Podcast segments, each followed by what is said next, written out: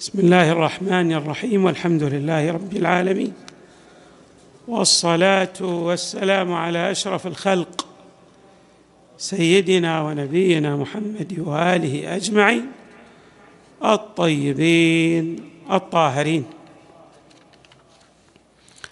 لا زال الكلام موصولا حول الخطوات التي يخطوها الإنسان ومن خلالها يتغلب على هذا الداء الوبيل ألا وهو الوسواس القهري. ذكرنا خطوات متعددة من أهم الخطوات التي ينبغي لمن أصيب بهذا الداء أن يزاولها. بل ينبغي للمؤمن بشكل عام أن يلتفت إلى أهميتها لانعكاسها الإيجابي والكبير على شخصيته. هذه الخطوة هي الترفيه.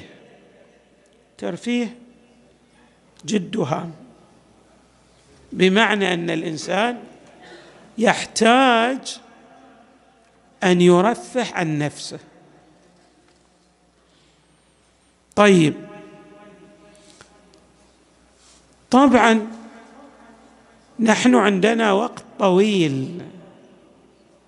الروايات اهتمت اهتماما بالغا بقضية الكيفية المثلى لصرف الوقت. سأشير إلى بعض الروايات وأعقب عليها. من خلال صرف هذه الأوقات في الأمور التي ذكرت في الروايات يستطيع الإنسان أن يتغلب على هذا الداء على الوسواس القهري. رواية عن رسول الله صلى الله عليه وآله في صحف إبراهيم. صحف إبراهيم هذه يعني كتب سماوية أنزلت على إبراهيم عليه السلام. يعني بمثابة صور القرآن عندنا على العاقل ما لم يكن مغلوبا على عقلي أن يكون له أربع ساعات. ساعة يناجي فيها ربه عز وجل. هذه ساعة يخصصها للعبادة. وساعة يحاسب فيها نفسه.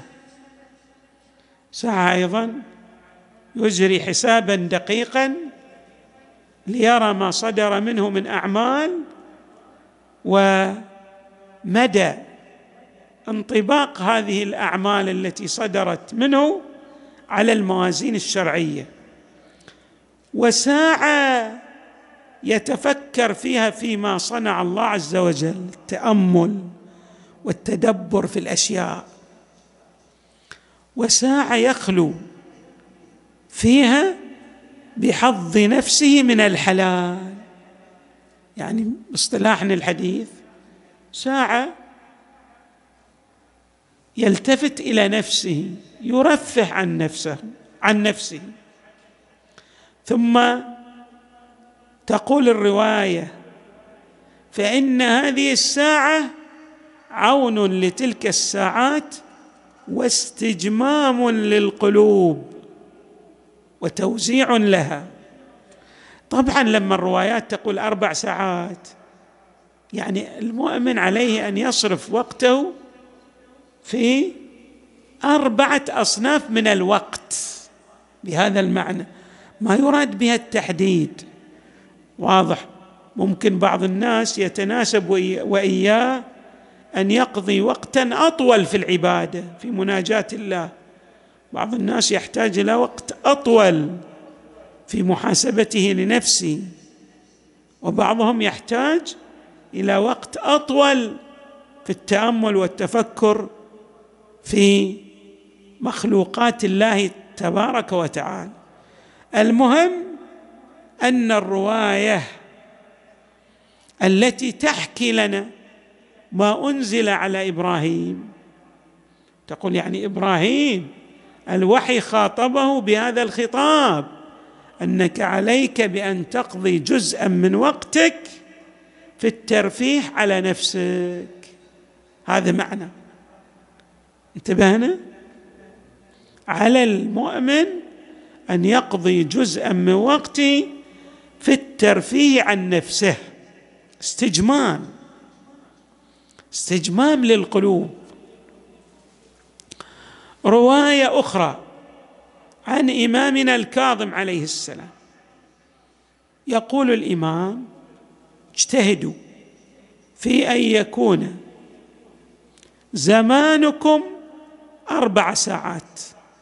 ساعة لمناجاة الله ساعة للعبادة. العبادة جزء مهم جد هام في شخصية الإنسان لأنه كما أشرنا هي الغذاء لروح الإنسان. والإنسان إذا ما عنده عبادة لله تبارك وتعالى يصبح فارغ في محتواه. ما عنده. ماذا؟ ذلك الإطمئنان والاتكاء. على الركن الوثيق وهو الله تبارك وتعالى عبر الارتباط به. اذا العبادة جزء هام وساعة لأمر المعاش. شوفوا إحنا قلنا الساعة هو مراد يعني جزء من الوقت الإنسان يصرفه مثلا في طلب الرزق. مثلا الساعة يراد بها مثلا الوقت الذي تشتغل فيه. ممكن أن تقضي ماذا في الوقت؟ وقت العمل عشر ساعات أو ثمان ساعات. وساعة لأمر المعاش وساعة لمعاشرة الإخوان الثقات الذين يعرفونكم عيوبكم. يعني الإمام يحضها هنا على أن لا بد أن يكون للمؤمن أصدقاء أسوياء صالحين يعرفون الإنسان على الجانب المخدوش في شخصيته. السلبي من شخصيته حتى يلتفت إلى عيوب نفسه ويبدأ في الاشتغال بإصلاح هذه العيوب. ولذلك شوف الإمام الكاظم ماذا يعبر ويخلصون لكم في الباطن. يعني هؤلاء الذين تسيرون وإياهم من الناس الصالحين الذين يحبونكم ويخلصون لكم ويسدون لكم النصيحة. فتزدادون قربا من الله تبارك وتعالى وتالقا في شخصياتكم. ثم يقول الإمام وساعة تخلون فيها للذاتكم في غير محرم. تحتاجون إلى ساعة للترفيه عن النفس. طبعا هناك طرق كثيرة. في الترفيه عن النفس. إحنا كلامنا أن لابد للإنسان أن يرفع عن نفسه كما ذكرت الروايات كما نلاحظ. الإمام أمير المؤمنين أيضا في رواية يقول للمؤمن ثلاث ساعات. ساعة يناجي فيها ربه وساعة يحاسب نفسه وساعة يخلي بين نفسه ولذاتها فيما يحل ويجمل الإمام يشير أيضا إلى أن هذه الساعة الترفيهية انتبه صحيح أنك ترفع عن نفسك لكن لا ترفه عن نفسك بالحرام. إنما رفع عن نفسك بالأمور المحللة. نعم. أيضا هناك كلمة جميلة جدا. للإمام أمير المؤمنين وكل كلماته في الحقيقة عليها مسحه من الجمال. قال كان أمير المؤمنين عليه السلام في الرواية يقول روحوا أنفسكم ببديع الحكمة فإنها تكل كما تكل الأبدان. الجانب المعنوي من شخصية الإنسان يتعب كما يتعب البدن. طيب كيف؟ أجعل هذا الجانب في حالة من النشاط. الإمام يعلمنا بالترويح بالترويح عن النفس. يعني تورد مثلا ماذا؟ طرفة بديعة. تورد نكتة من النكات الجميلة التي تروح بها عن نفسك. اذا لاحظوا بعد حكمة ثانية لعلي عليه السلام. إن هذه القلوب تمل كما تمل الأبدان فابتغوا لها طرائف الحكم. بعد الإمام يشرح أكثر من ذلك فيقول روحوا القلوب ساعة بعد ساعة فإن القلوب إذا أكرهت عميت. إذا الإنسان دائما يضغط على نفسه. مثلا يشتغل كثيرا. همه شيء واحد. تشوف هذا إنسان ماذا؟ تعب في نفسي مثل ما نقول إحنا عنده سآمة وضجر وعدم ارتياح. وترى ماذا؟ مصاب بشيء من القلق الذي قد يصل إلى حالة من الاكتئاب. الامام يقول روحوا القلوب ساعة بعد ساعة. فإن القلوب تمل إذا أكرهت وإذا أكرهت عميت. صاب الإنسان بالعمى يعني ما يدرك ما يعود عليه بالنفع ويرجع عليه بالخير ما يدرك ذلك. وطبعا الترويح عن النفس له طرق متعددة. أشير إلى بعض هذه الطرق. من جملتها السفر. الإنسان يسافر إلى بعض الأماكن التي يحبها. يخرج إلى البر. تشوفون بعض الناس مثلا هنا يخرجون إلى شاطئ العقير أو إلى شاطئ نصف القمر أو إلى البر أصلا يخرجون. ليش؟ ويخيمون. ويأكلون مثلا بعض الأكلات التي تلذ لهم. في هذا في الحقيقة نافع يعود عليهم لأنهم يروحوا عن أنفسهم. بالخصوص إذا لم تكن هذه الرحلات تقترن بحرام من المحرمات كاستماع الأغاني مثلا أو اللعب مثلا بآلات القمار والعياذ بالله. اذا السفر فيه ماذا؟ نوع من الترفيه عن النفس.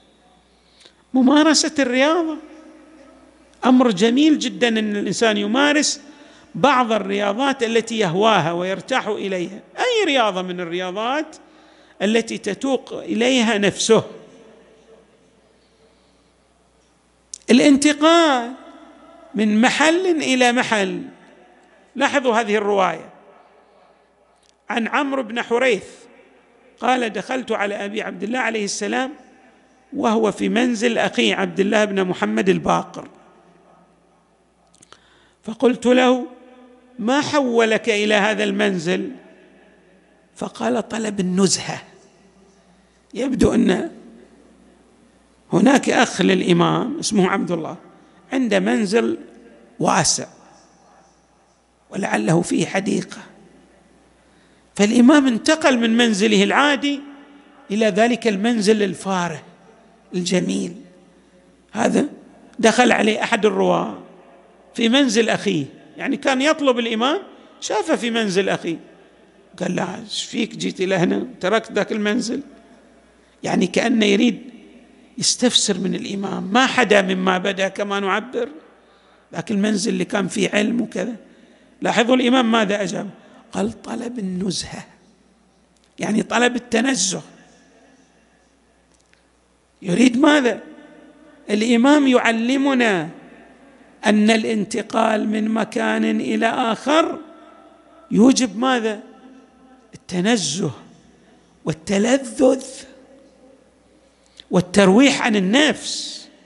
اذا من الأهمية بمكان للمؤمن أن ينتقل من مكان إلى مكان ليروح عن نفسه. بعد روايات كثيرة في الحقيقة في هذا الصدد في هذا الجانب. نعم. طبعا من الأمور التي تروح وترفه عن النفس المزاح. الإنسان يمزح يمازح. بعض إخوانه المؤمنين. وقد كان النبي صلى الله عليه وآله والأئمة من أهل البيت يمزحون. بس أي مزح؟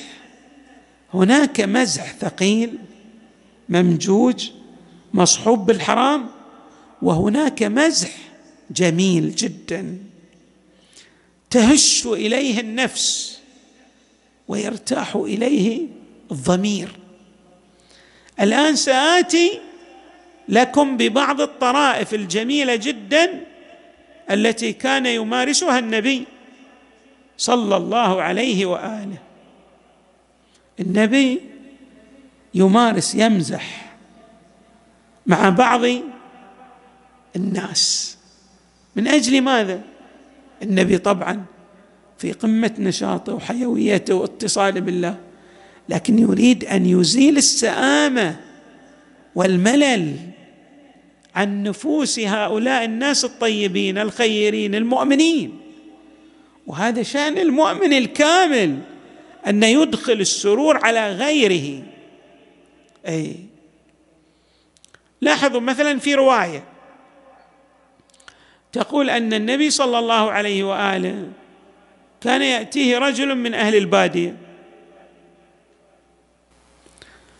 وكان هذا البدوي الذي يأتي النبي طبعا يأتي للنبي ببعض الهدايا من البادية.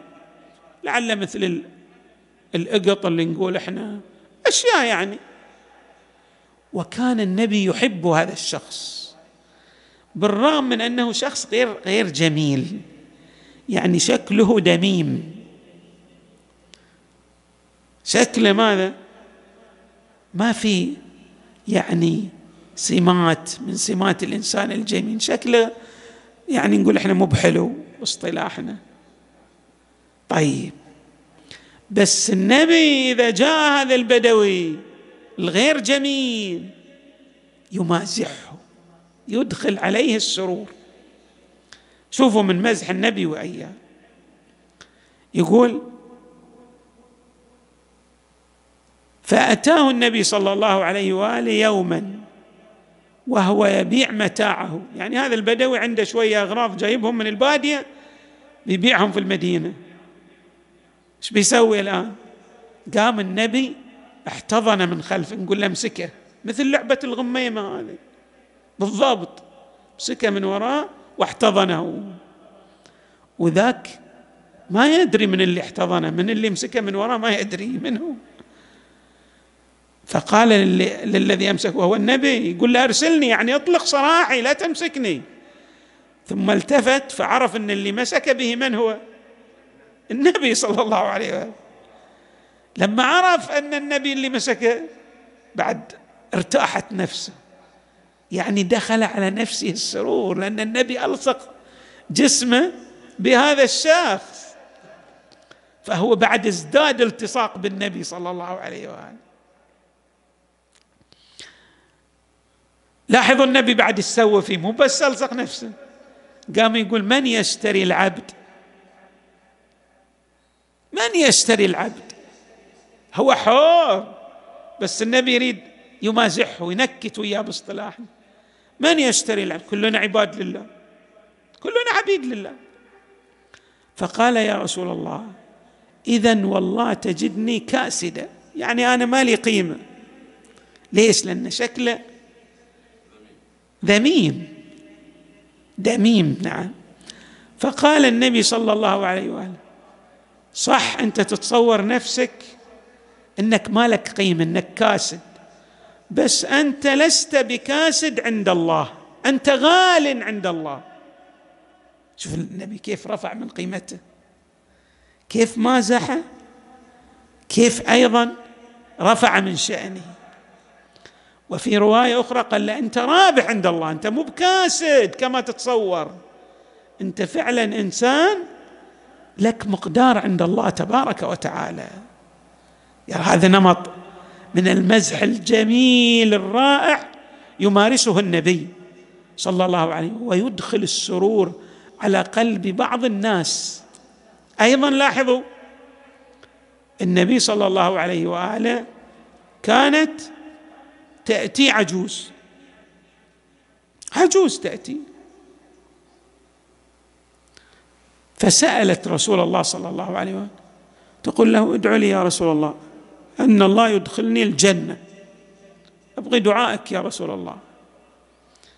التفت إليها النبي فقال يا أم فلان مثل باصطلاحنا يا أم حبيب يا أم خالد إن الجنة لا تدخلها عجوز. عجوز عجوز ما تدخل الجنة. قال فولت تلك العجوز وهي تبكي يعني كأنه يقول الجنة محرمة عليها.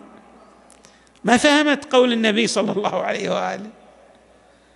أي فلما رآها النبي تبكي فقال أخبروها أنها لا تدخلها وهي عجوز. يعني الله راح يغير في شكلها ويجعلها ماذا؟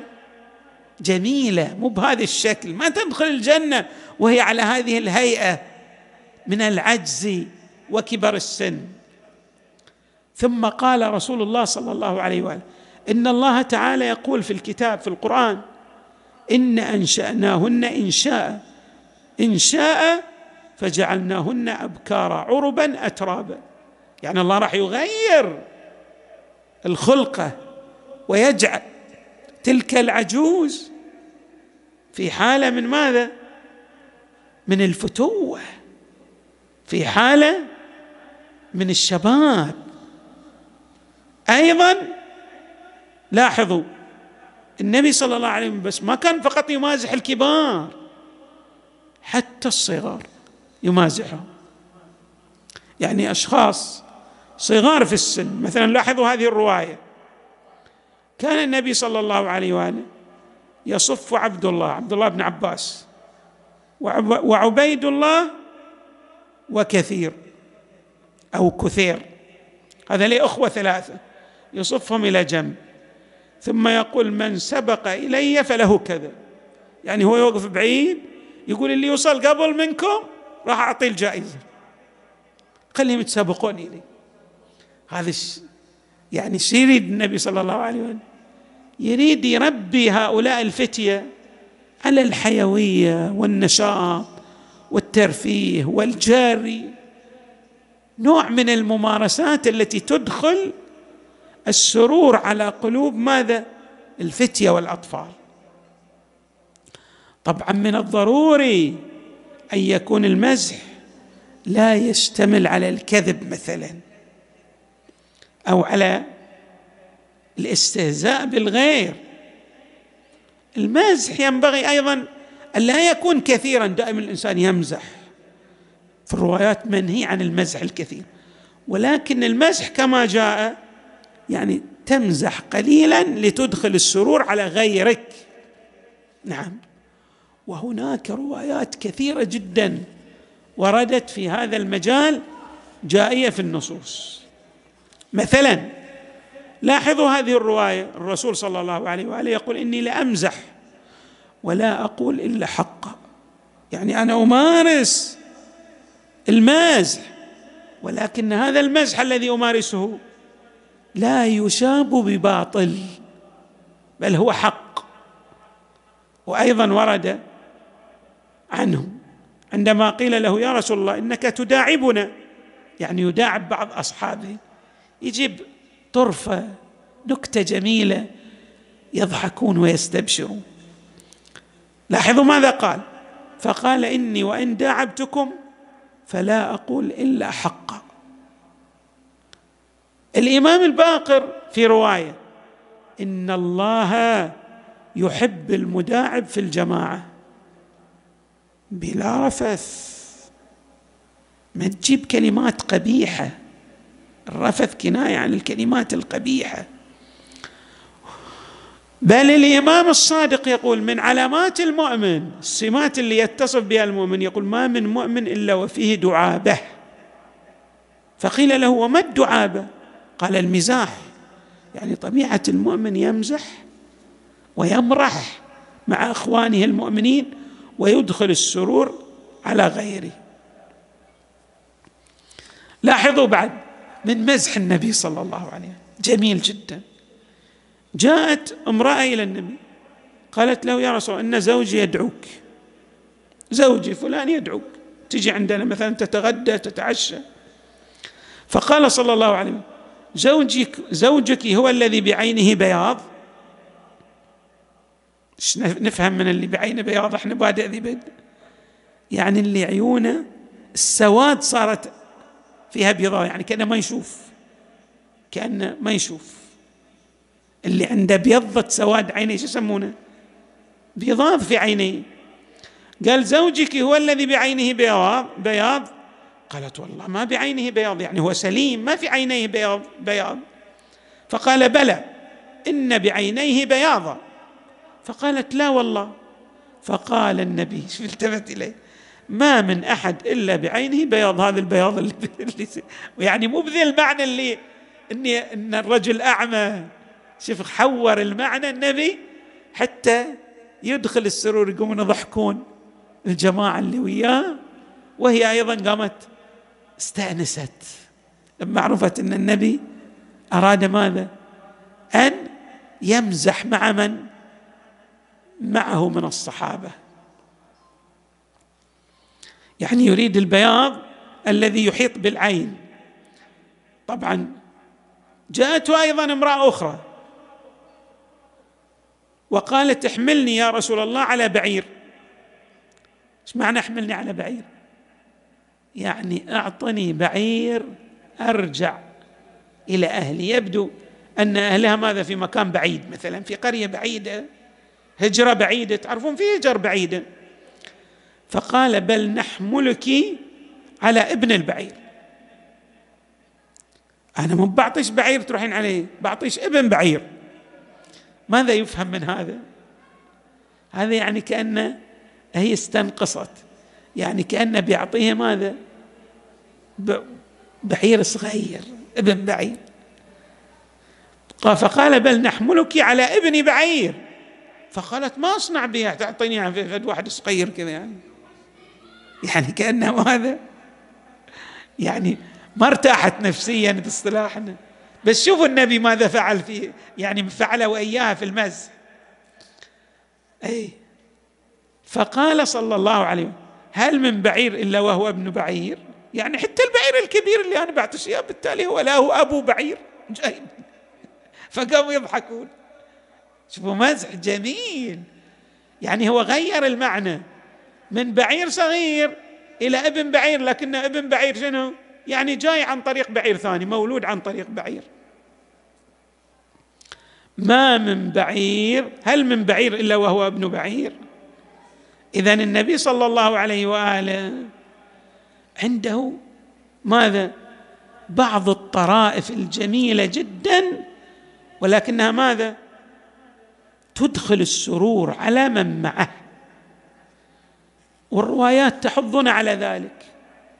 شوفوا مثلا هذه الرواية.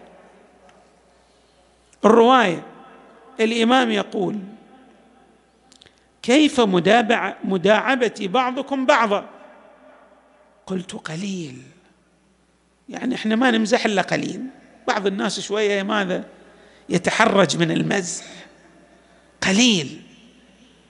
الإمام إيش قال؟ قال لا افعلوا افعلوا. يعني تمازحوا فيما بينكم. جيبوا الطرائف والنكت الجميلة التي تروحوا بها عن أنفسكم. ثم قال الإمام فإن المداعبة من حسن الخلق. وإنك لتدخل بها السرور لتدخل بها السرور على أخيك. ولقد كان رسول الله صلى الله عليه وآله يداعب الرجل فيسره. يعني يدخل على من يتحدث وإياه السرور من خلال طرفة من الطرائف. ويقول الإمام الكاظم عليه السلام لما سأله معمر بن خلاد عن الكلام يجري بين قوم فيمزحون ويضحكون. يعني يجي كلام يوجب المزح والراحة النفسية والضحك. قال الإمام الكاظم عليه السلام لا بأس. ثم قال ما لم يكن. ما لم يكن يعني شنو؟ يعني ما لم يكن فيه فحش فيه قبح فيه أذى للغير. اي ثم قال الإمام الكاظم عليه السلام إن رسول الله صلى الله عليه وآله كان يأتيه الأعرابي فيهدي فيهدي له الهدية. ثم يقول اعرابي يأتي إلى النبي النبي يقوم يعطي هذا الأعرابي هدية. الأعرابي يقوم يريد يمشي. لما يأخذ عطية النبي يريد يمشي. يقول لك مكانك مكانك اجلس اجلس انطينا الثمن. الآن هو عاطي هدية شلون يطالب بالثمن؟ يعني ذاك تفتح شلون ترى؟ هذه هي هديه شلون؟ أنا بعد أدفع ثمن فيقوم النبي صلى الله عليه وسلم يتبسم ويضحك الإعرابي ويمشي. شوفوا من هديه قدمها النبي صلى الله عليه صلى الله عليه وآله للإعرابي ولكن أيضا جعل هذا الإعرابي الذي استلم الهدية ذهب من عند النبي صلى الله عليه وآله وهو في حالة من المرح والارتياح النفسي. ولذلك شوف الرواية تقول ثم يقول اعطنا ثمن هديتنا فيضحك رسول الله صلى الله عليه وآله. وكان أيضا إذا دخله غم يقول يعني ليت واحد يجينا مثل ذاك الأعرابي ونعطيه هدية ونقول له ظل مكانك لا تمشي أعطنا آه، قيمة الهدية يعني قيمة ذاك العطاء الذي أعطيناك ويدخل يعني يقول ليت يحصل لنا موقف جميل من هالمواقف اللي ماذا نسري به عن أنفسنا. إذا من المهم جدا للإنسان حتى يزيل الآثار السلبية لضغوط الحياة أن يمارس نحو من شنو؟